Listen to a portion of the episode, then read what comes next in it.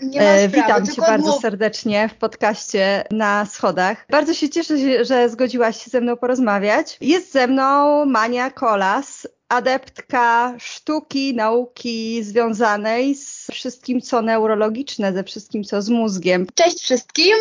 Na samym początku chciałabym Cię zapytać, jak to się zaczęło, skąd, jak wyglądało Twoje życie, zanim doszłaś do momentu, w którym zaczęłaś podważać obecność Kościoła w swoim życiu, w Twoim życiu, nie wiem, czy to jest dobre wyrażenie, bo wychowałaś Myślę, się tak. w raczej głęboko wierzącej rodzinie, tak? W Czy... turbo wierzącej Mhm. rodzinie. Turbo, może nie tyle turbo wierzącej, co turbo katolickiej. Ja mam na to określenie dewotyzm, Mhm. czyli, czyli takie podejście, że tutaj będę klepać zdrowaśki, ale super świetnie jak sąsiadowi krowa zdechnie, tak?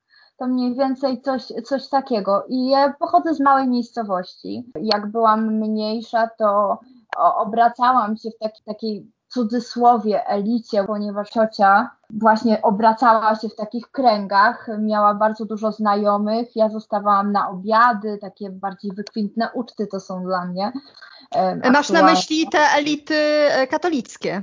Tak, tak, Mhm. jak najbardziej, dlatego że jak był czas kolędowania, to na, po kolędowaniu, albo nie wiem, w trakcie kolędowania, to już zależało jak ciocia miała ustalone i nawet do tej pory chyba tak jest, y, że zaprasza księży, księży wszystkich praktycznie z okolicy albo z parafii i no ci, co mogą, to się stawiają, jest taka wielka kolacja z obiadem, ciocia robi indyka i nie wiem, kaczkę i jeszcze coś, i po prostu steki, no, mnóstwo tego całego jedzenia, którego ja i tak bym nawet zjadła, tego się nie przeje, często musi to wszystko być oddawane, bo to jest zastaw się, a postaw się, według Mhm. takiego po, powiedzenia. No i właśnie przy, przyjeżdżają ci księża i zazwyczaj jest bardzo miło. Y, Ja często uczestniczyłam właśnie w takich em, spotkaniach. Y, Natomiast jak zaczęłam przeglądać jakby na moje własne oczy i docierało do mnie, jak bardzo sam koncept religii jest mocno ingerujący w podstawowe wolności człowieka, powodowało, że ja się coraz bardziej odsuwałam. I ja oczywiście się tam spotykam i jak trzeba, to, te, to, to jeszcze się spotkam, bo ciężko jest mi jeszcze tak do końca powiedzieć nie. Natomiast staram się nie podejmować żadnych em, tematów, ponieważ znając siebie na, w aktualnym stanie, wiem, żebym weszła w bardzo intensywną debatę i powiedzmy, że pewnie by się mogła też przerodzić w kłótnię, e, bo ja mam dużo cierpliwości, ale jeśli ktoś mnie postawi w bardzo ciężkiej dla mnie psychicznie sytuacji, to tak jak większość ludzi będzie się pierwsze co to reagowało atakiem. Mhm. No i atak i ucieczka. Czyli rozumiem, że jakby twoj, twój taki background, e, jakiś taki wychowania był taki, że byłaś w tym środowisku i zaczęłaś i przyjmowałaś to, że to takie po prostu jest, tak? I pamiętasz jakiś taki moment, y, to był moment przełomowy, czy powoli do ciebie zaczęło docierać, y, że, że to za, zaczyna zgrzytać, że to nie jest y, okej? Chyba nie jestem w stanie tak wyszczególnić momentu takiego To był przełomowego icebreakers, tak? To był bardziej proces. Natomiast ja od małego, no mama mnie kształciła w religii katolickiej, oczywiście miałam chrzest i mimo, że pochodzę z niepełnej rodziny, więc to już był problem, jak poszłam do szkoły, bo uczęszczałam do pijarskich szkół, Mhm. y, gdzie tak naprawdę, no to wiadomo, w teorii powinny kształtować się wartości chrześcijańskie, a wartości chrześcijańskie na papierze są bardzo ciekawe, bardzo takie pro-człowiecze. Natomiast w rzeczywistości to już wygląda zupełnie inaczej i każdy sobie rzepkę skrobie. Y, I jak chodziłam do szkoły, to tak naprawdę przynajmniej 60% uczniów była albo ateistami, albo e, niepraktykująca, ale zazwyczaj po prostu ateistami, tym bardziej jak był ten wiek gimnazjalny, gdzie było dojrzewanie i tym takie nasilone. U niektórych jest to szybciej, u niektórych wcześniej, yy, wolniej. To było też zintensyfikowane, bo codziennie rano było, były modlitwy. Przed, przed tą modlitwą trzeba było się wpisać do książek, żeby się nie spóźnić, bo wprowadzili tak z racji tego, że dzieciaki próbowały unikać, przechytrzyć, żeby nie przychodzić na te modlitwy, to wprowadzili takie książeczki i zeszyty i trzeba było się wpisywać, żeby, że jest się, żeby mieć zaliczone, że nie ma się spóźnienia i w ogóle, że będzie się mieć obecność. Mhm. No i wiadomo, to jakby sama szkoła e, bardzo dobra placówka, w zasadzie kształceniowo oni się szczycą do tej pory, że mają jedne z najlepszych i najwyższych poziomów edukacji według perspektyw. No i okej, okay, dobra, edukacja może jest na wysokim poziomie, ale to też nie wynika z tego, że jest super świetna kadra nauczycielska, ale owszem, były takie osoby. Teraz z tego, co mi wiadomo, już praktycznie nie pracują tam. Mhm. E, jest to związane z bardzo dużą selekcją e, i takim faworyzowaniem, y, czyli jak ktoś się sprawdza i będzie mógł uczestniczyć w olimpiadach, to będzie na te olimpiady wysyłany. Jeśli coś się stanie, albo znajdzie się osoba lepsza, to ta osoba już będzie albo na drugim miejscu, albo najlepiej mm, będzie już mieć też problemy. Ja mhm. osobiście mhm. należałam do takich osób, ale o wątłym zdrowiu i jak nie byłam w stanie się pojawić na jakimś tam konkursie, e, no to odpadłam po prostu w szeregach. A to jedyne mnie trzymało też przed e, takim ostracyzmem w związku z tym, że mam niepełną rodzinę. No i wiadomo, kto płacił, mimo że to nie jest szkoła prywatna, ale kto płacił tak zwane co łaska, e, które było nie mniej niż tak naprawdę, e, to nie było problemu. I tak no, i osoby, które mogły dużo łożyć na szkołę, nie miały żadnych najmniejszych problemów. Nie wiem, czy tak jest do tej pory, tak było za czasów, kiedy ja chodziłam do szkoły, dlatego też nikomu nie polecam tej szkoły, jeśli ktoś chciałby się rozwinąć. Ja osobiście uważam, że właśnie ta szkoła i to, że spędziłam w niej 12 lat sprawiło, że zabiło to we mnie cząstkę, która dopiero miała bardzo mocną rezurekcję po latach. A to ciekawe w ogóle, że powiedziałaś 12 latach, czyli to, było, to był taki ciąg, yy, że się szło, rozumiem, przez podstawówkę, gimnazjum, tak? Czy... Znaczy tak, ogólnie nie trzeba było. Tam ja po prostu spędziłam 12 okay. lat. Ale, ale moż, rozumiem, że można było tak przechodzić jakby z jednego cyklu w kolejny, tak? tak? Tak, okay. jak, mhm. najbardziej, mm jak najbardziej. To co mówisz, to mi się tak właśnie jakby y, czuję, że był jakiś deal pomiędzy tym, że pewnie niektórzy przymykali oko na to, że jest to szkoła katolicka, bo miała kuszącą ofertę, rozumiem taką no właśnie pod kątem wybicia się y, na jakąś olimpiadę, y, tak? Znam też ze swojego środowiska taką sytuację, że, że niekoniecznie ten katolicyzm jest tutaj kuszący, natomiast no właśnie przez to, że jest y, dobry poziom, jakieś, nie wiem, może ostrzejsze wymagania do młodzieży, no to, to rzeczywiście rodzice chętnie tam dzieci posyłają. Natomiast jesteś już y, którąś osobą z kolei, która mówi, y, że chodziła do szkoły katolickiej i, i czuje się, y, że, że to jest miejsce do szkolenia ateistów przede wszystkim. tak jakby ci ludzie nasiąkali, nie wiem, może z taką intensywnością, że już w dorosłym życiu właśnie doznają jakiegoś rodzaju przesytu tym wszystkim. Nie wiem, czy tak to czujesz właśnie, że wylano trochę cię z kąpielą. E, nie wiem, czy w moim przypadku mogę tak powiedzieć, bo owszem, e, to, to, to było takie rodzenie ateistów, a przynajmniej osób, które szły jak takie owieczki na, na skazanie, albo po prostu owczy pęd, co jest też z udokumentowanym i znanym zjawiskiem e, psychologicznym, które wykorzystują nie tylko i religia, ale i władza, i media, wszystko, żeby kierować ludźmi, bo im bardziej człowiek jest e, mało świadomy, tym łatwiej i efektywniej kierować nim i robić mu po prostu pranie mózgu. Więc ja sobie chodziłam, ja się nie wywyższałam, nie było ze mną problemów takich wychowawczych poza tym, że ja byłam wiecznie chora.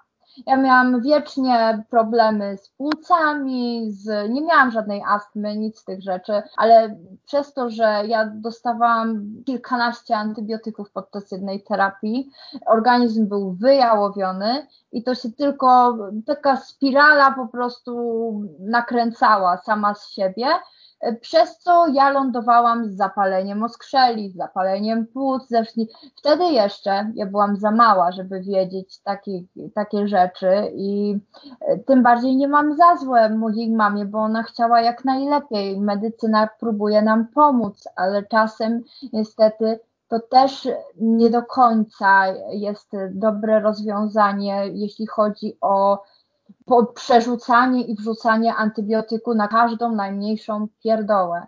Mhm. E, I odchodzą obecni, odchodzi się obecnie od takiego myślenia, co jest dla mnie bardzo, bardzo satysfakcjonujące i budujące, że może faktycznie e, nie tylko ich światopogląd i samoświadomość ruszy do przodu, ale także też samoświadomość swojego ciała i zdrowia i też specjalistów, którzy będą stawali na wysokości zadania i będzie ta komunikacja taka procentow, będzie procentować i będzie ten deal lukratywny pomiędzy obiema stronami, a nie tylko jednostronnie. Mm -hmm. Więc, a wracając do tego dziecka z kąpielą, to no właśnie to był bardziej proces i ten proces tak naprawdę zaczął się dopiero jak ja poszłam na studia, kiedy też tak zaczęłam mieć diagnozowaną dosyć poważną chorobę, która jest chorobą przewlekłą i śmiertelną w teorii, co powodowało, że ja zaczęłam doceniać życie, to raz, dwa, zastanawiać się nad tym, co ja tak naprawdę chcę w tym życiu osiągnąć i czym ja bym się chciała nawet przysłużyć Ziemi. Jak zaczęły się diagnozy, jest takie powiedzenie, że jak trwoga, to do Boga to tutaj można by powiedzieć, że tak, ale nie do końca, bo zaczęłam czuć, jak bardzo nie czuję Boga w kościele, nie czuję tego wsparcia, nie czuję tej miłości, którą Pan Bóg jest. I e, każdy oczywiście może wierzyć w co tylko chce, i to jest piękne, i to jest jak najbardziej cudowne, że każdy z nas jest inny. A Kościół tej inności pra praktycznie ją tak wrzuca pod but. I im bardziej ja zaczęłam się przekonywać, że to zamiatanie pod dywan i problemów, i y, wyjątkowości każdego z nas, bo niby się powtarza nam, y, że jesteśmy wyjątkowi, ale tak naprawdę, jeśli ktoś faktycznie czuje się, że, że coś jest nie tak z nim w cudzysłowie, bo tak naprawdę to, to, to jest bardzo ciężki temat, żeby stwierdzać, że coś jest nie tak e, i to też jest płynne. To wszystko było bardzo mocno tłumione i tłamszone przez e, Kościół, przez księży i najbardziej pamiętam, że mnie dziwiło to, że jak ja rozmawiałam z zaprzyjaźnionymi księżmi, to oni przyznawali mi zazwyczaj rację, jak z, nim roz, z nimi rozmawiałam. Ale oni przyznawali rację i za chwilę po prostu mówili swoje, swoje formułki, takie jakby wyuczone. Bo, czyli e, rozmawiałaś, e, prowadziłaś rozmowy z księżmi e, na temat tego, jak się zaczynał kształtować Twój światopogląd, już trochę niezależnie od szkoły katolickiej, tak? Tak. Pierwszym takim zgrzytem było, jak zobaczyłam sobie taki kiedyś, i on chyba nadal jest, plakat, gdzie były wyszczególnione różne symbole te symbole były po prostu napisane, że jednorożec to w ogóle grzech i kanalia, sodomizacja i co to jest. Na, najgorsze, co tylko można, to tęcza. Najpiękniejsze zjawisko, tak, atmosferyczne. I pacywka, i pierścień Atlantów, y, i yoga. Po prostu wszystko, czego Kościół nie zna, albo ludzie nie znają, będą to demonizować A nawet demony to są też wszystko związane, niektóre demony są dobre, niektóre nie. I to też jest wszystko nomenklatura związana z religią i z religijnością stricte, samą w sobie. To już był dla mnie pierwszy zgrzyt, jak ja zobaczyłam moje ukochane jednorożce, że są jakąś sodomizacją. Kolejnym zgrzytem, że dlaczego niby Bartek kochający Bartka jest mniej lubiany, czy ma mniej uświęcającej łaski u e, Boga niż Kasia kochająca Tomka, to już kolejny zgrzyt bardzo, bardzo mocny, bo ja wtedy kwestionowałam sama siebie i miałam problem z własną tożsamością. Doszłam do wniosku takiego osobistego, co Indianie też y, do, doszli do takich wniosków dawno temu. Jest to opisane między innymi w takim reportażu kilkadziesiąt, nie wiem, dwadzieścia siedem. Dwadzieścia siedem śmierci Tomiego tak. Obeda. Tak, I to właśnie. tam jest ten motyw taki, e, że dusza, człowiek dwóch dusz? Tak, to jest, ja nie wiem, ja wiele rzeczy czuję i nie jestem w stanie ich też tak mówić ani dać jako obiektywną prawdę, bo to jest wszystko subiektywne i to jest tylko i wyłącznie moje odczucie. Natomiast według mnie i tym bardziej według też tych zapisków, to płeć jest płynna. To, że my mamy biologicznie określoną płeć, to jest to tylko i wyłącznie związane z tym, że my mamy ciało. I to ciało funkcjonuje, ale ciało nie jest idealne. Ono jest idealne na tyle, ile może być idealne w świecie, w jakim jest e, ciśnienie, prawa fizyki działają, świat natury i tak dalej, i tak dalej. To wszystko jest związane, że my mamy określoną budowę, Natomiast tak naprawdę mózg, który jest bardzo ważnym organem w naszym ciele, odpowiada, mogę śmiało powiedzieć, że za trzy czwarte, jak nie więcej, odczuć, jakie mamy i jak my postrzegamy świat, co my myślimy i co my odczuwamy. I ten mózg, jak to, to jest straszne cierpienie, myślę, i to jest, ja nie jestem w stanie sobie wyobrazić, jak ktoś rodzi się z ciałem, które przedstawia biologicznie zupełnie inną płeć niż e, to, co on czuje. I wtedy jest to dopasowanie. Ja nie znam się na nomenklaturze odnośnie tych tematów, y, tylko podstawy, dlatego też nie chciałabym popełnić gafy, ani nikogo obrazić, ze, względu, że ciężko jest mi przebrnąć nauczyć się tych wszystkich y, określeń związanych z queer i transpłciowością mm -hmm. i to jest bardzo ciekawe, ale to jest dla mnie osobiście bardzo trudne po prostu, żeby się tego nauczyć, y, bo to wszystko, te terminy wiąże się, każdy z nich osobno wiąże się z historią danego człowieka, który tak, tak przeszedł tak, tak. pewnie piekło na ziemi. Więc to jest piękne, jeśli ktoś pierwsze co to się zapyta, a nie będzie z góry coś sobie myślał o danej osobie, bo z tym zwracaniem i z tym, z tym językiem inkluzywnym, to też jest bardzo ciekawe dla mnie.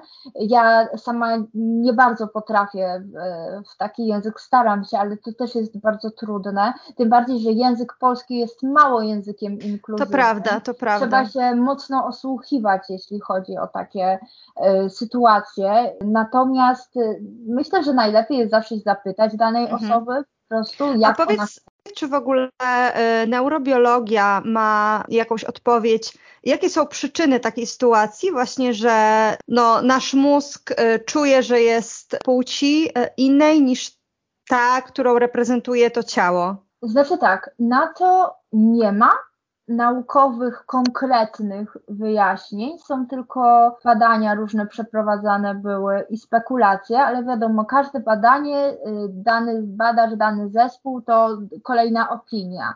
I to jest normalne, bo nauka powinna dawać się podważać i prowadzić dyskurs ze wszystkim dookoła, bo od tego jest nauka, że my chcemy się czegoś dowiedzieć. Natomiast nauka jest przede wszystkim empiryczna, Czyli trzeba coś doświadczyć, żeby móc o tym opowiadać. Tego nie da się za bardzo, na moją wiedzę, zrobić, żeby sprawdzić. Natomiast są badania, które pokazują, że ogólnie usieciowanie neuronów, ilość kolców dendrytycznych. Kolce dendrytyczne to są takie wypustki na neuronach. Mogą być neurony bezkolcowe w ogóle. To w każdym razie te wypustki powodują, że one, one są odpowiedzialne za zbieranie impulsów za intensyfikację tych impulsów, y, czyli wzmocnienie i za szersze, jakby szersze zbieranie tych informacji z, do, z otaczającego nas, y, z otaczającej nas rzeczywistości. I jeśli następują jakieś zaburzenia, to jest bardzo niefajne słowo moim zdaniem zaburzenie, natomiast w nauce jest to stosowany termin na pewne odstępstwa od do tej pory zaobserwowanych szlaków, e, nie wiem, struktur, zachowań, wzorców behawioralnych. Wszystko to to jest ustalone. I ja się wypowiadając e, jako osoba zajmująca się nauką i używając terminologii naukowej, nie mogę użyć innego słowa niż zaburzenie, ponieważ jest to taki termin biologiczny również. Mhm. I nie jest on w broń Boże związany z jakąś anomalią, czytaj nacechowany pejoratywnie, negatywnie. Zaobserwowany u większości przypadków. Mhm. Tak. E, I teraz są badania pokazujące, że wystarczy naprawdę maleńka zmiana, nie wiem, źle ukształtuje się kolec dendrytyczny, czy jego główka, bo są różne kształty kolców dendrytycznych. Są apikalne, czyli takie szczytowe, są też e, kolce dendrytyczne wyglądające jak takie drzewka praktycznie. E, to też jest wszystko niesamowite i nasze ciało wygląda jak ogród, moim zdaniem, szczególnie skóra, a neurony to już w ogóle, to są takie niesamowite struktury, a neurony to nie tylko, bo tkanka glejowa odpowiedzialna za odżywianie mózgu, ale tak naprawdę najnowsze badania pokazują, że i sam system odpornościowy, cały układ immunologiczny również znajduje się w tkance glejowej, więc my poznajemy tak naprawdę cały czas y, mózg, więc nic nie jest nigdy na 100%. Mhm. Znaczy, no tak jak czuję, to mamy do czynienia z tak skomplikowanymi strukturami, że y, nie jesteśmy w stanie tak naprawdę, tak jak nie mamy jeszcze narzędzi, tak, żeby to do końca tak. to zbadać, tak? Nie mamy narzędzi, żeby do końca powiedzieć coś zero-jedynkowo, Natomiast mamy narzędzie, żeby zaobserwować, że istnieją jakieś zmiany, że okay. będzie na przykład inna aktywność kory przedczołowej, czyli prefrontalnej, odpowiedzialnej za między innymi postrzeganie bodźców że będzie inna aktywność na przykład e, ciała migdałowatego, które jest związane z układem wegetatywnym, komunikuje się z tymi takimi najbardziej w cudzysłowie pierwotnymi, podstawowymi instynktami e, i wywołuje je, czyli złość, agresję, strach, euforię, oksytocyna, która jest wydzielana przez przysadkę, to tak samo również regulacja nie tylko jest oś przysadka y, gonady nadnercza, y, czy przysadka podzgórze nadnercza, tylko jest też na poziomie właśnie tego ciała migdałowatego i komunikacji pomiędzy lewym, prawym ciałem migdałowatym, chociaż ta komunikacja jeszcze nie jest do końca opisana. E, ja podjęłam się próbę, próbie opisania jej w mojej pracy dyplomowej, e, no ale jest to też bardzo ciężki i długo by można mówić na ten temat. Wracając do tych anom anomalii, oczywiście znowu w cudzysłowie, czyli tych nietypowych, e, niestandaryzowanych sytuacji w, w naszym mózgu i w procesach naszego mózgu i przetwarzania informacji, ja osobiście uważam, że to jak my postrzegamy siebie i to jak my postrzegamy naszą płciowość, seksualność, cielesność jest przede wszystkim związane z tym, jak działa nasz mózg. Mm -hmm. I teraz, żeby nikt sobie nie pomyślał, że można wyleczyć w takim razie z homoseksualizmu, bo powtarzać mogę to po prostu do zarąbania, homoseksualizm to nie jest choroba. Ani żaden żadne połączenia seksualne poza oczywiście dalej określanymi w społeczeństwie dewiacjami seksualnymi, to są sprawy związane z działalnością naszego mózgu na poziomie też kulturowym, jak kultura na nas wpływa, bo to też kształtuje, kształt, środowisko zewnętrzne bardzo mocno kształtuje też nasz mózg. Mhm. I to, jak e, przekazywane są nawet same bodźce, przekazywanie bodźców też może być ukształtowane przez środowisko zewnętrzne, wpływ chronicznego stresu i to, jak organizm jest pod ciągłym e, takim stanem gotowości, powoduje, że też przekształcają się drogi neuronalne.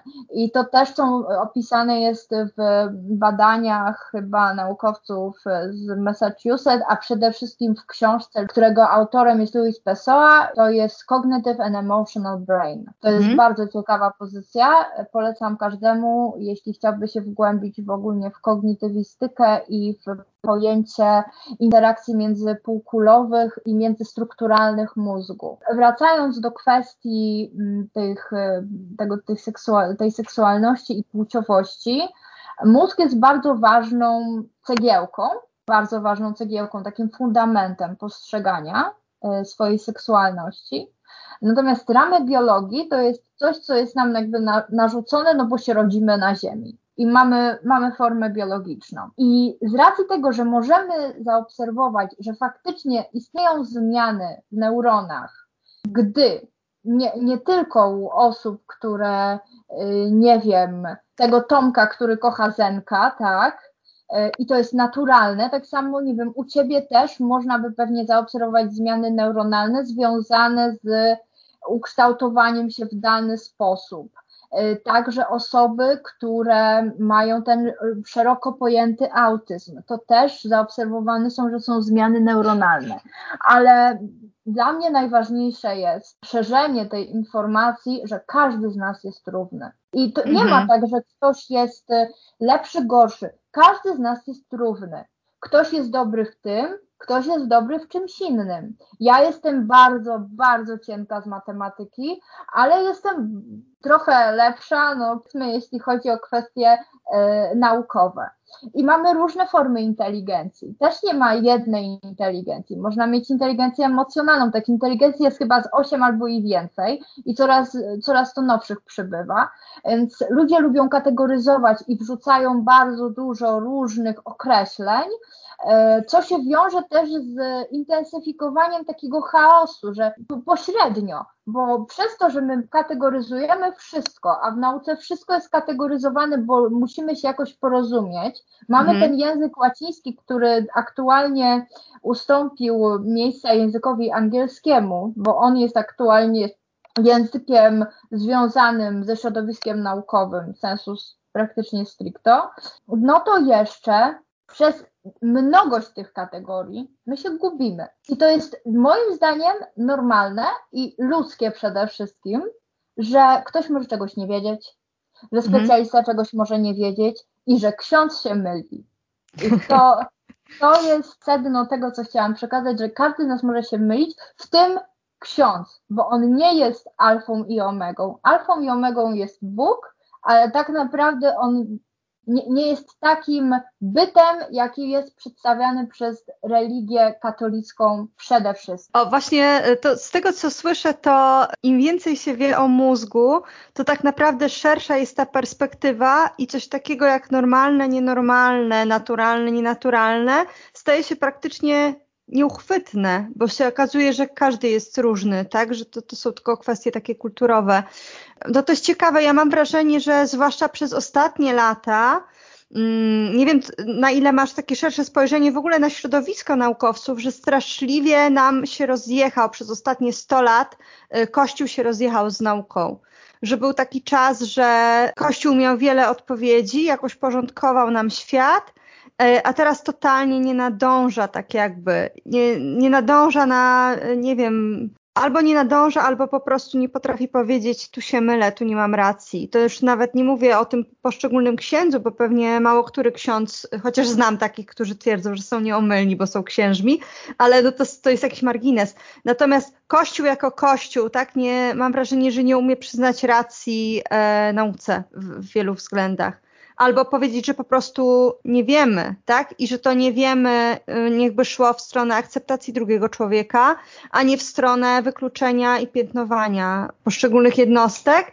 gdzie ta norma jest normą, która tak naprawdę no, przestała przystawać do tego, co nauka wie o mózgu, o człowieku i o jego komunikacji, no właśnie, między półkulami, między E, między mózgiem a ciałem, między środowiskiem, tak? Tak, jak najbardziej. To w ogóle jest bardzo ciekawe. Mm, ostatnio miałam cykl wykładów e, z ewolucji, z mechanizmów ewolucji dokładnie i był wykład odnoszący się do kultury, religijności, seksualności i tego, że jest coś takiego w nauce, sformułowanie jak odrębne magisteria.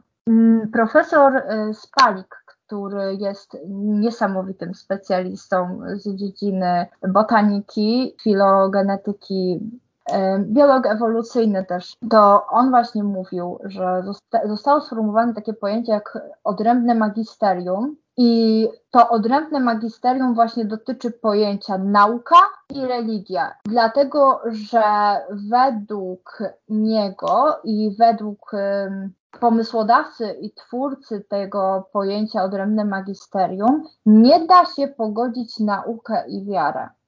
Jest to niemożliwe.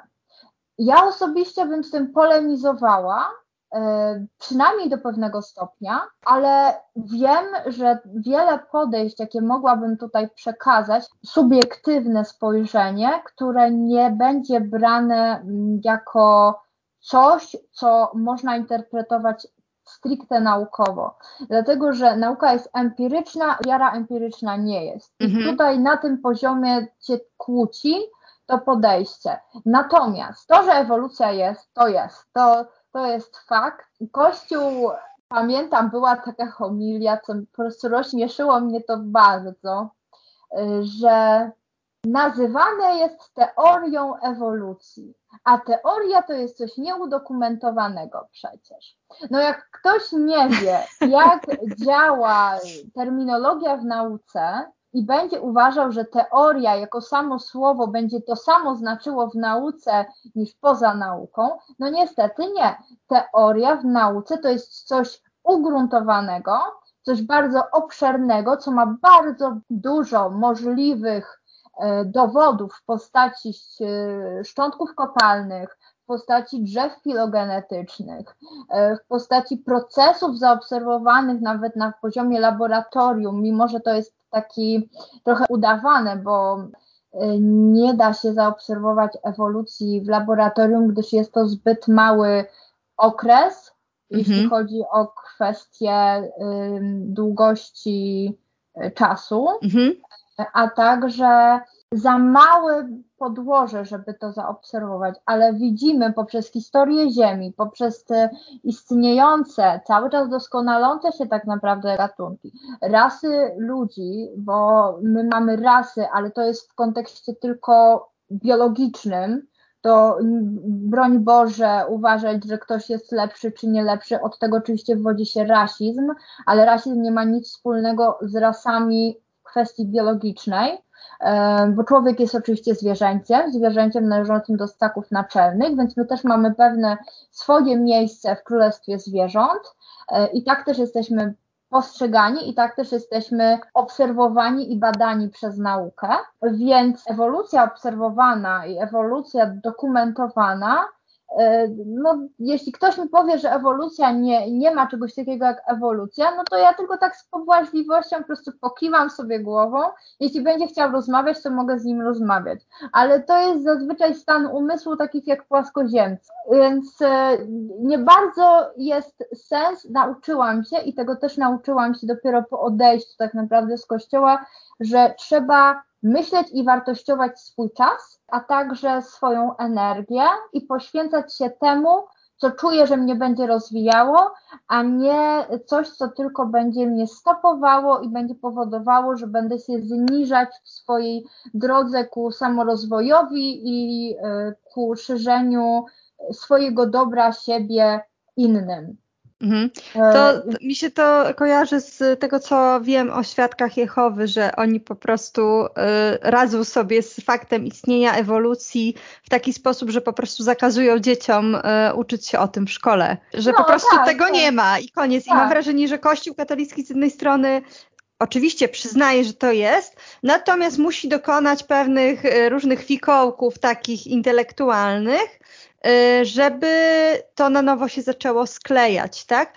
To jest bardzo ciekawe, co mówisz, że o tych odrębnych magisteriach, tak, że już nawet nie, rozumiem, że od strony nauki, spojrzenia y, naukowego, to już w ogóle nie ma próby, tak, pogodzenia, że to raczej ewentualnie Kościół może próbować y, jakoś dialogować z tą nauką, natomiast y, rozumiem, że y, raczej środowisko naukowe nie będzie próbowało, nie wiem, udowadniać istnienia Boga i tak dalej, i tak dalej.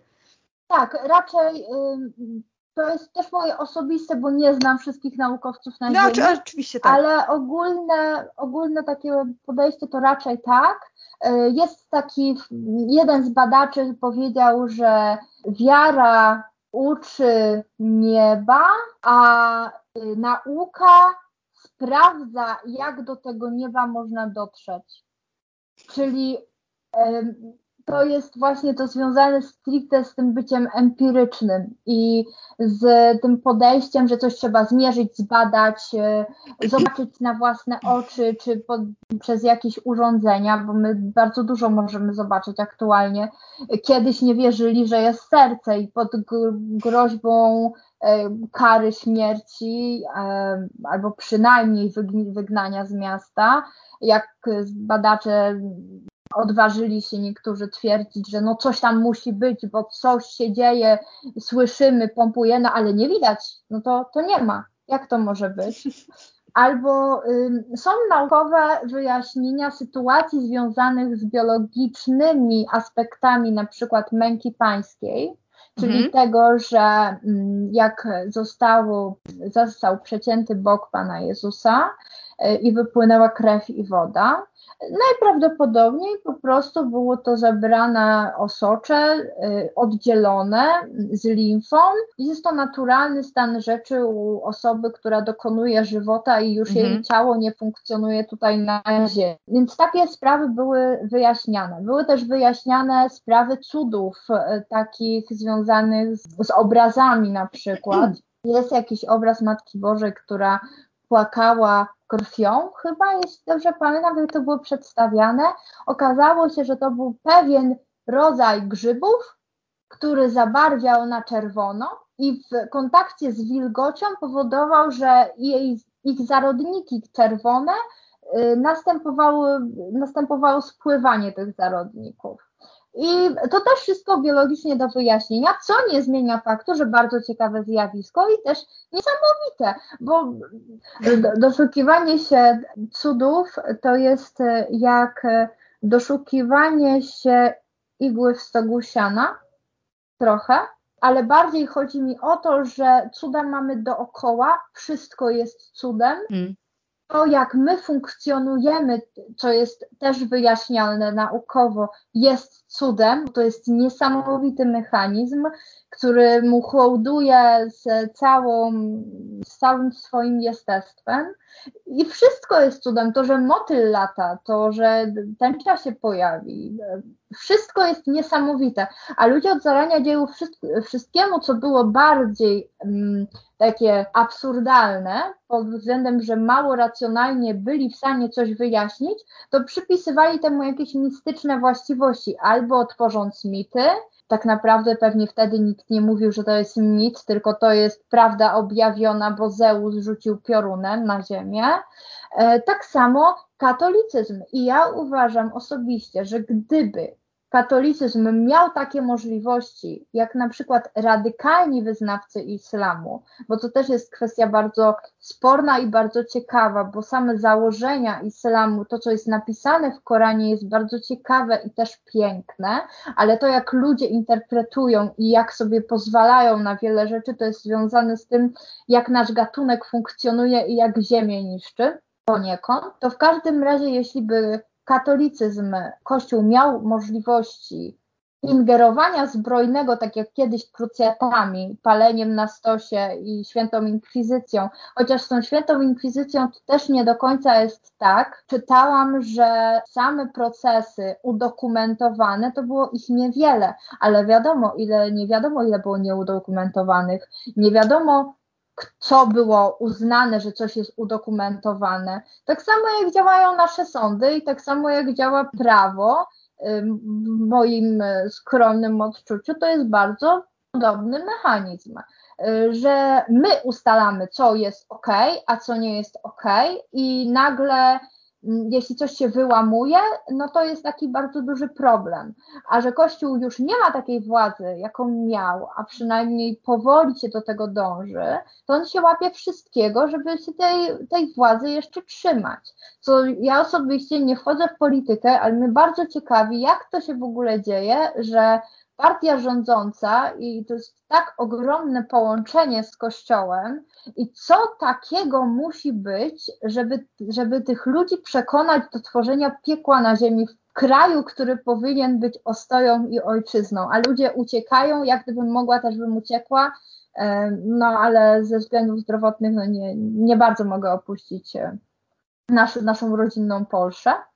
E, a wracając do kwestii właśnie tych zbrojeń, no to jakby. No właśnie katoliki... chciałam zapytać, co miałaś na myśli, e, mówiąc, że gdyby Kościół miał takie możliwości jak e, islamiści. No uważam, że urządzałby polowania na czarownice, Aha, że, mm, że robiłby nowe krucjaty, e, oczywiście z Bogiem na ustach i ku chwale ojczyzny. Jak to po, polscy nacjonaliści i takie ruchy pronarodowe e, się e, lubują w stwierdzaniu, że Polacy są wyjątkowi, Polska winkeljedem narodów i tak dalej, i tak dalej. To mi e, mocno koresponduje z takim, takim memem, który niedawno widziałam, że kobieta mówi, że jej mąż jest katolikiem narodowym, to znaczy, że jest katolikiem bez tych wszystkich chrześcijańskich bredni. No i to jest, to jest chyba trochę to, to, o czym mówimy. No to jest fascynujące, jak to jest e, związane z tą władzą. No właśnie, z władzą, z polityką i z rządem dusz w jakiś sposób że trudno powiedzieć, to jest ta, tak mocno e, zamotane, że trudno powiedzieć, czy to Kościołowi się opłaca e, bratać z polityką, żeby mieć z tego korzyści, czy z kolei no, ta symbioza jest taka, e, taka nie do rozwikłania. To jest praktycznie sposób. mutualizm aktualnie, hmm. bo jakby się to rozdzieliło, to pewnie jedno by zdechło. I mam nadzieję, że zdechnie wtedy Kościół. Przynajmniej to pojęcie Kościoła jako machiny do manipulacji ludzi, e, ludźmi y, i niszczenie indywidualności i takiego własnego wewnętrznego przekonania, że żyje się w łasce Bożej. Tak samo byłam ostatnio, bo ze względu na mamę poszłam do kościoła, żeby wiadomo, nie chcemy robić przykrości i też z tego powodu formalny proces apostazji to jest też kwestia bardzo ciężka w moim przypadku, bo wiadomo, że nie chce sobie człowiek robić problemów w rodzinie, ani robić przykrości. Niektórzy już są na takim poziomie, jak na przykład starsi ludzie, bo często są komentarze, że a przecież nie powinno cię to obchodzić. Ale to jak pomyślimy głębiej, to nie do końca tak wygląda, bo starsi ludzie, którzy żyli w zupełnie innej rzeczywistości niż aktualnie mają, szczególnie ci mocno starsi, którzy wojnę przeżyli, niesamowite po prostu tak straszne rzeczy, że ja sobie nie jestem w stanie ich wyobrazić nawet. I teraz oni żyją w środowisku, do który, które jest dla nich całkowicie obce. Wsparcia praktycznie nie mają, bo to jest nikłe wsparcie, a często jeszcze są wykorzystywani, co jest dla mnie już w ogóle kwestią bardzo, bardzo smutną. I my żyjemy w cywilizacji śmierci, ale nie jest to związane moim zdaniem z tym, że ho, wieczne aborcje, jak cukierki na życzenie, e, tylko z tym, że człowiek zatraca swoje człowieczeństwo w tym rozumieniu i w brataniu się z drugim z drugim człowiekiem. A Kościół w tym w ogóle nie pomaga, tylko nastawia taką machinę nienawiści i nagonkę na wszystkich. Mało tego, jego głowa, czyli aktualnie papież Franciszek, który jest bardzo ciekawym, e, bardzo ciekawą osobą i też on w jakimś stopniu również jest moim autorytetem, ze względu na to, że on w końcu odważył się powiedzieć o tym, że gaje nie będą w piekle się smażyć, mhm. a nawet chciał więcej powiedzieć, ale to oczywiście wszyscy albo mu zamykają słowa, albo źle interpretują, bo wszystko jest zależne od interpretacji. Dla mnie jest zerowe tłumaczenie, jak ktoś mi powie z osoby wierzącej, że tak, geje mogą się kochać, ale jeśli fizycznie będą się kochać, no to już y, pierwsze co to pociąg do, do piekła będzie. To, to, to jest albo jedno, albo drugie. Albo mogą się kochać, mogą przekazywać między sobą istotę miłości, gdzie i notabene po prostu istotę Boga, istotę boskości, bo każdy z nas ma ten pierwiastek boskości i jest dzieckiem Bożym i żyje w stanie uświęcającym, nie potrzebuje do tego żadnych y, odpustów, ani żadnego pośrednictwa, ani żadnych y, poświadczeń, nic z tych rzeczy, ale my nie, bardzo często nie czujemy tego i bardzo trudno jest też to poczuć w sobie. Jeśli natomiast poczujemy to, że my jesteśmy i nigdy nie byliśmy sami, czyli w sumie będziemy mieć takich przyjaciół w głowie, no można z przymrużeniem mogę stwierdzić, że będzie się wariatem, tak? Co jest też bardzo krzywdzące dla mnie ogólnie stwierdzenie wariat czy debil. Można sobie śmieszkować w granicach własnego domu, ale jak się idzie gdzieś publicznie i wyraża się właśnie takim, a nie innym słownictwem, to, to tylko potęguje tę spiralę nakręcania stereotypów, stereotypizowania i niszczenia piękna moim zdaniem. Więc e, wracając właśnie do, do e, Kościoła i do jego władzy, to to, co papież Franciszek mówi, jest albo przeinaczane, albo wielokrotnie osobiście spotkałam się z tym, jak ktoś mi mówił, że papież Franciszek to nie jest w sumie papież. To on jest taki, no nie swój, nie, nie, nie, to nie jest mój papież, y, ja nie będę się go słuchać, on gada jakieś głupoty, bo co to może być, że można zmienić dogmat? Wszystko można zmienić, bo dogmat to jest ustalone przez pewne zbiorowisko ludzi, którzy mają niby kontakt z Bogiem i to jest stwierdzane jako prawda objawiona. I właśnie na tym poziomie odrębne magisterium jest bardzo mocno widoczne, że w nauce jest wszystko do podważenia, wszystko, co tylko można, jeśli tylko się da. W, podczas, jeśli chodzi o kwestię wiary, nie jest nic do podważenia, tylko bierze się wszystko na pałę, brzydko mówiąc.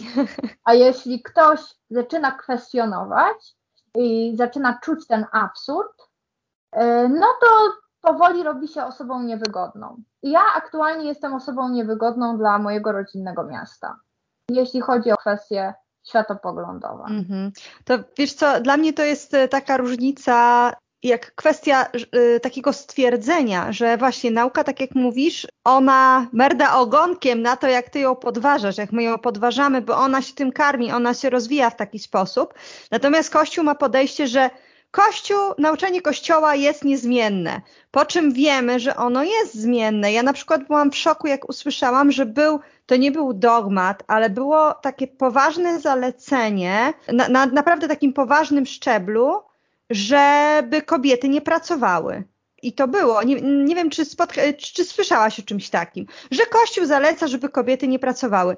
I nagle to się zmieniło, to już nie jest aktualne, już absolutnie nikt o tym nie mówi, nikomu przez, przez myśl to nie przejdzie, nawet najbardziej jakimś konserwatywnym środowiskom. Więc to się zmieniło, ale Kościół dalej będzie utrzymywał, że nie, nie, to nauczanie się nie zmienia, a przecież się zmienia, nie? Ale jakby y, mam wrażenie, że cała teologia czasami się opiera na czymś takim, że my coś twierdzimy, ale czegoś nie twierdzimy, ale coś twierdzimy, tak żeby coś powiedzieć, ale tego nie powiedzieć tak naprawdę, tak? Podważyć, ale nie podważyć, podważyć, y, ale zaraz jakoś tam przetłumaczyć, mnie to bardzo zniechęca, jakby dla mnie to już jest takie piętrzenie niepotrzebnych jakichś takich, to takie, takie motanie, tak? No to w końcu tak, jak jest, tak? Moim zdaniem bardzo, bardzo tutaj pasuje stwierdzenie, że to jest takie lawirowanie pomiędzy prawdą, kłamstwem a dezinformacją. Mhm, tak, tak, tak, tak. To, co ma największą siłę ciągnięcia za sobą mas i ciągnięcia umysłu, to jest dezinformacja. Jeśli mamy dezinformację, to mamy zawsze zasiane ziarenko wątpliwości. I teraz zależy, czy my będziemy próbować szukać prawdy, czy będzie się nas omamiać i będzie się nas odciągać od, od tej części. Mhm. No ja słyszałam bardzo wiele różnych takich absurdalnych, jak teraz o tym pomyślę, rzeczy. O, począwszy od takiego magazynu Egzorcysta, który jest w ogóle mm, perełką, jeśli chodzi o takie pierdoły. Po wypędzanie demona wegetarianizmu, inne takie że To są takie oklepane sprawy, ale naprawdę zdarzają się tacy ludzie. Nawet jeśli coś jest napisane jako pasta, czyli coś nieistniejącego, ale będzie taką legendą miejską, mm -hmm. to jest jakaś mała szansa, że i tak ktoś taki się znalazł, i tak ktoś taki coś takiego zrobi, albo zrobił. Natomiast y, wracając jeszcze do papieża Franciszka, to papież Franciszek też na pytanie się o to, czy jest ewolucja, on nie odpowiedział, że jest ewolucja, tylko on tak bardzo elokwentnie stwierdził, że nie można ewolucji zaczeczyć. No tak, to i to są takie właśnie często, e, triki językowe. Triki językowe, które również stosowane są w nauce, które ja często też stosuje, gdy nie możemy czegoś potwierdzić. Gdy nie możemy czegoś potwierdzić, że na 100% tak jest. Bo okej, okay, mitochondria są naszą elektrownią, ale okazuje się, że mitochondria też odpowiadają za system immunologiczny. Odpowiadają również za na przykład bardzo ważne zmiany w materiale genetycznym związanym z no nie wiem, z metabolizmem danych substancji, czyli to, że nie wiem, ktoś ma alergię na gluten, można się doszukiwać wielu, wielu rzeczy, nic nie będzie widać, będzie cały czas problem, a zrobi się test i sekwencjonowanie genomu mitochondrialnego, i wyjdzie, że tam jest na przykład mutacja w jednej tylko części, w jednej z pary genów, co w danym wypadku spowoduje, że nastąpi zmiana fenotypu tej komórki, ona będzie zupełnie inaczej funkcjonować. To oczywiście bardzo w uproszczeniu wielkim o tym mówię, bo ja genetykiem nie jestem, ale ja bym właśnie przyrównała religię pod tym względem do nauki, że to jest taki wielki mechanizm. Jeden się toczy swoimi torami, drugi się toczy swoimi torami, jedni patrzą z jednej strony, drudzy patrzą z drugiej strony, ale nie ma pomiędzy tym żadnego dialogu i nigdy nie będzie, dopóki y, Kościół nie zmieni swojego nastawienia na bycie nieomylnym. Mhm. Y, I no, podpuszczenie. Tak naprawdę ja byłabym skłonna stwierdzić, e, podobnie jak mm, mówił też taki medialny zakonnik, ojciec Szóstak, kiedyś też oglądałam Langusta na Palmie i to było też bardzo ciekawe i inspirujące. Nie zgadzam się z wieloma kwestiami w związku z informacjami, które mam z dziedziny nauki, ale na przykład z tym, że ta nierządnica babilońska to jest Kościół, to się jak najbardziej mogę zgodzić, że tak, to jest ta, takie interpre, interpretacja i ogólnie interpretacja tekstów, a tekst biblijny jest też tekstem poetyckim, przede wszystkim moim zdaniem poetyckim, bo mówi się, że Biblia to ma autorów, podwójnego autora, że nawet potrój, Boga, i, Boga Ducha Świętego y, i człowieka ale to też nie, da, nie wiadomo, nie do końca, bo tych tłumaczeń było wiele. Była na przykład wersja Septuaginta, która była tłumaczona chyba przez 72 skrybów. jeśli dobrze pamiętam.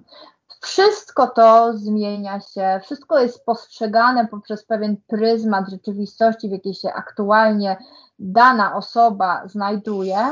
Więc nic tak naprawdę nie jest obiektywne. No, nawet kwestia samych przekładów na języki to jest temat bardzo, bardzo szerokich, no już nie chcę powiedzieć nadużyć, y, chociaż staje się polem do nadużyć, natomiast pola do po prostu do tego, jakie tam słowo padnie, jakie zostanie użyte, czy to w wydaniu nawet poszczególnym w danym języku, czy w ogóle w tłumaczeniu. A, a powiedz mi jeszcze, jeśli chodzi o y, taki temat, jak zahaczyłaś właśnie o gazetę Egzorcysta i o takie tematy może nie tyle przyziemne, co bardziej cielesne, to wspominałaś w takiej rozmowie przed tym, jak zaczęłyśmy nagranie, że lubisz tatuaże. Nie miałaś takiego dysonansu właśnie, bo mi się to od razu kojarzy. U mnie na przykład to jest yoga, że ja przez wiele lat y, unikałam czegoś, co naprawdę jest dla mnie dobre i przynosi mi dobre owoce. Właśnie mając z tyłu głowy ten plakacik w cudzysłowie, który mówił, że no, to jest właśnie wagonik do piekła.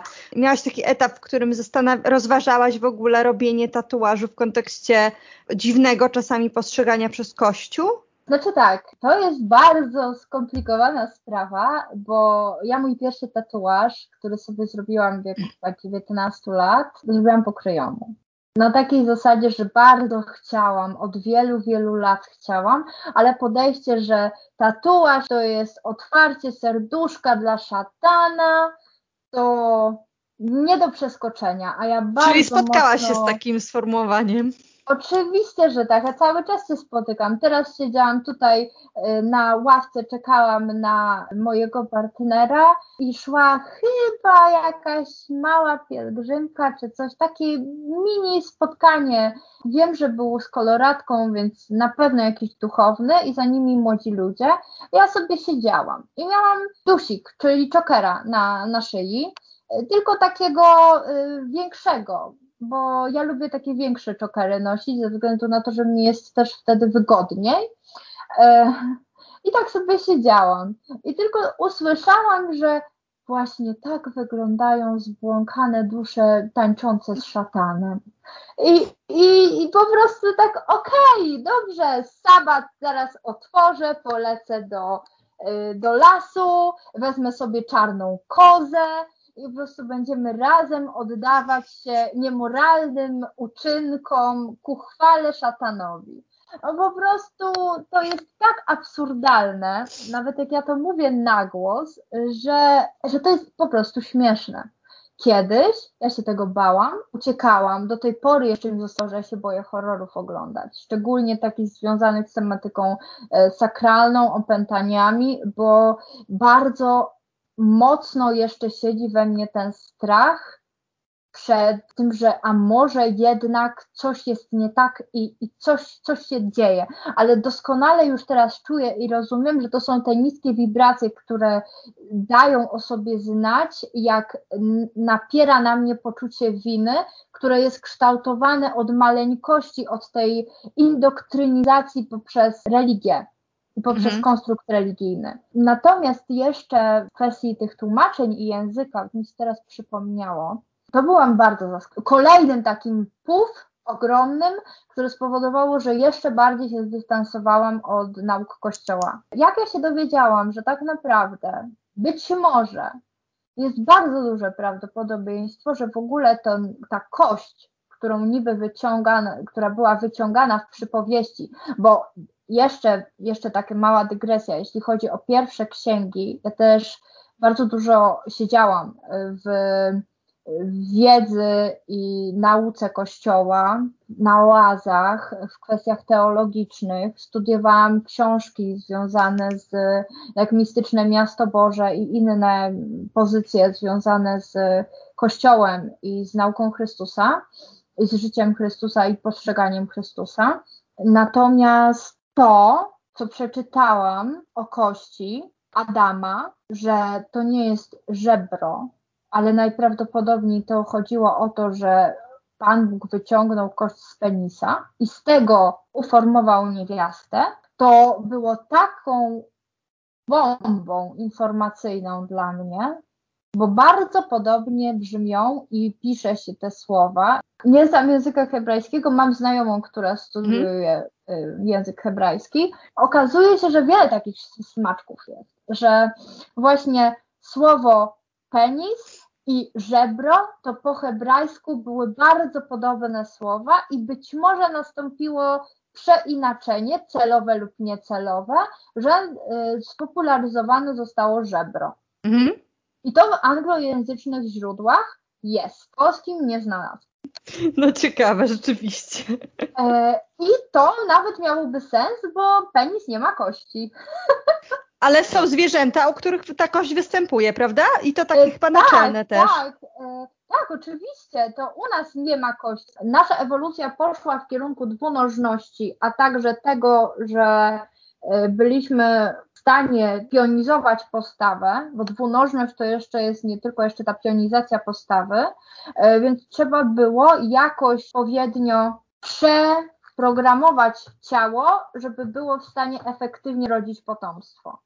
Co jest też bardzo Y, jeszcze ciężkie i trudne, bo my jeszcze nie jesteśmy do końca przystosowani mhm. do takiego naturalnego rodzenia, a na pewno rodzenie w takich pozycjach, w jakich jest rodzenie w szpitalu tradycyjnie Oczywiście. na samolotach, to jest w ogóle. No za, zaprzeczenie wszystkiego. No. Zaprzeczenie wszystkiego i bardzo duże nieporozumienie. Mhm.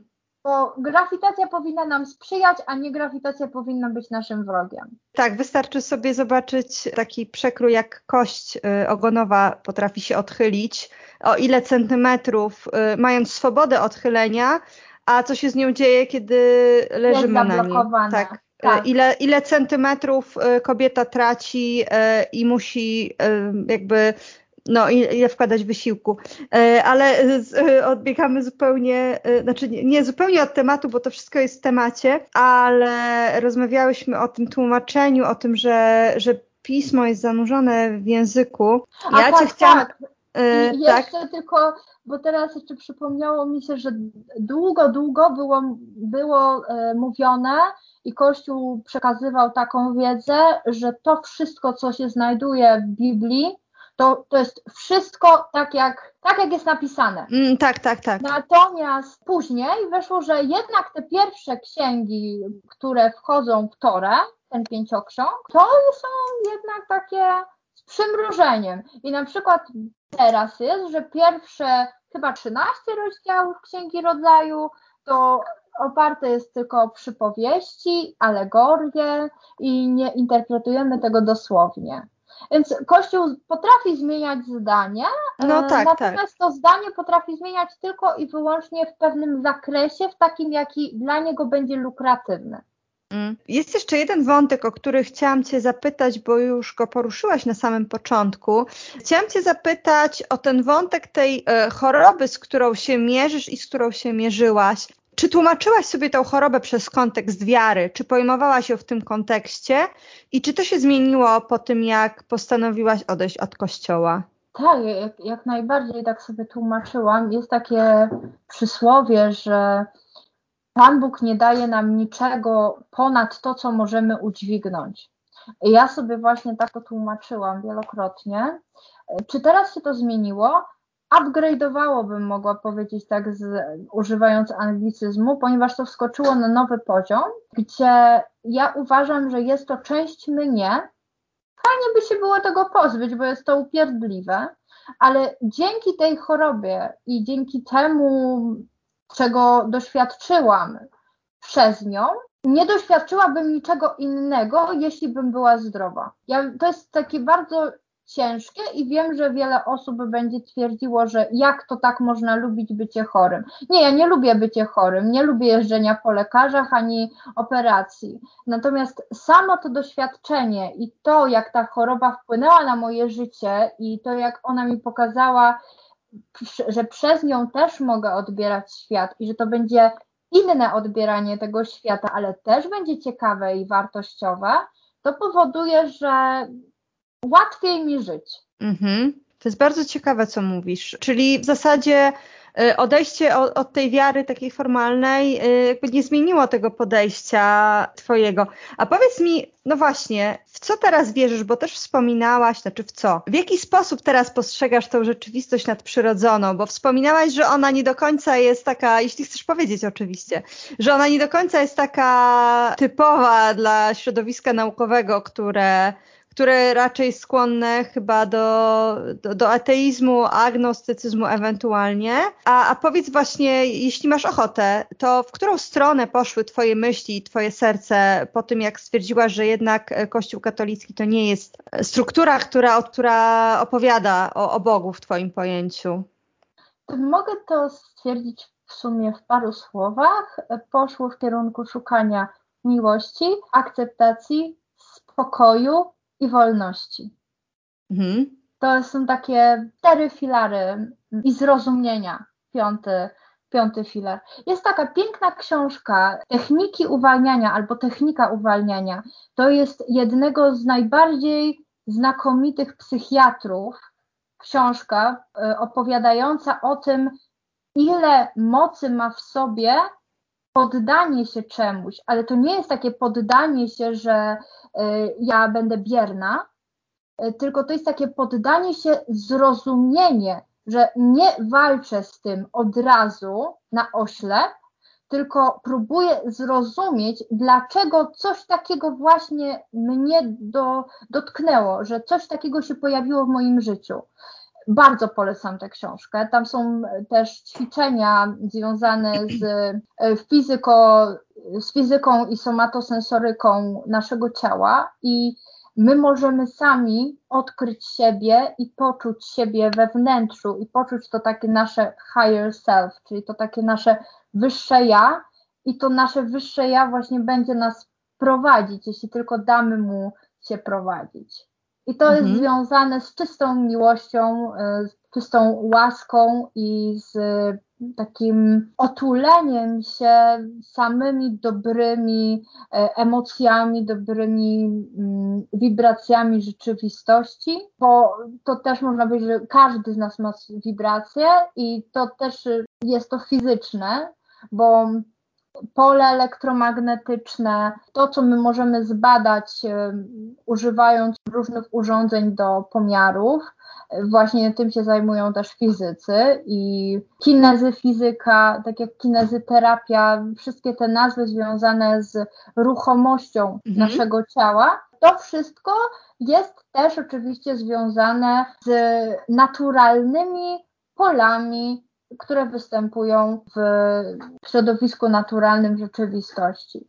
Bo Ziemia ma pole magnetyczne, my też mamy pole magnetyczne. E, my mamy też gradient jonowy, który się zmienia w zależności od tego, jak my się czujemy, e, jak my analizujemy rzeczywistość, jakie aktualnie mieliśmy doświadczenia, czy ciężki dzień, czy jakiś radosny, wszystko to jest powiązane. Gospodarka hormonalna z mózgiem, z organami wewnętrznymi, z wątrobą, z trzustką, z nerkami. Wszystko to jest z naszym zegarem biologicznym, z szyszynką, z jelitami, czyli tym zegarem i odpornością znajdującą się, bo, bo jest takie stwierdzenie, że drugi mózg to są jelita. I to jest hmm. też bardzo trafne stwierdzenie. E, no i oczywiście ten gradient jonowy, który my wydzielamy, bo to się zmienia poprzez ciało, odczuwają zwierzęta.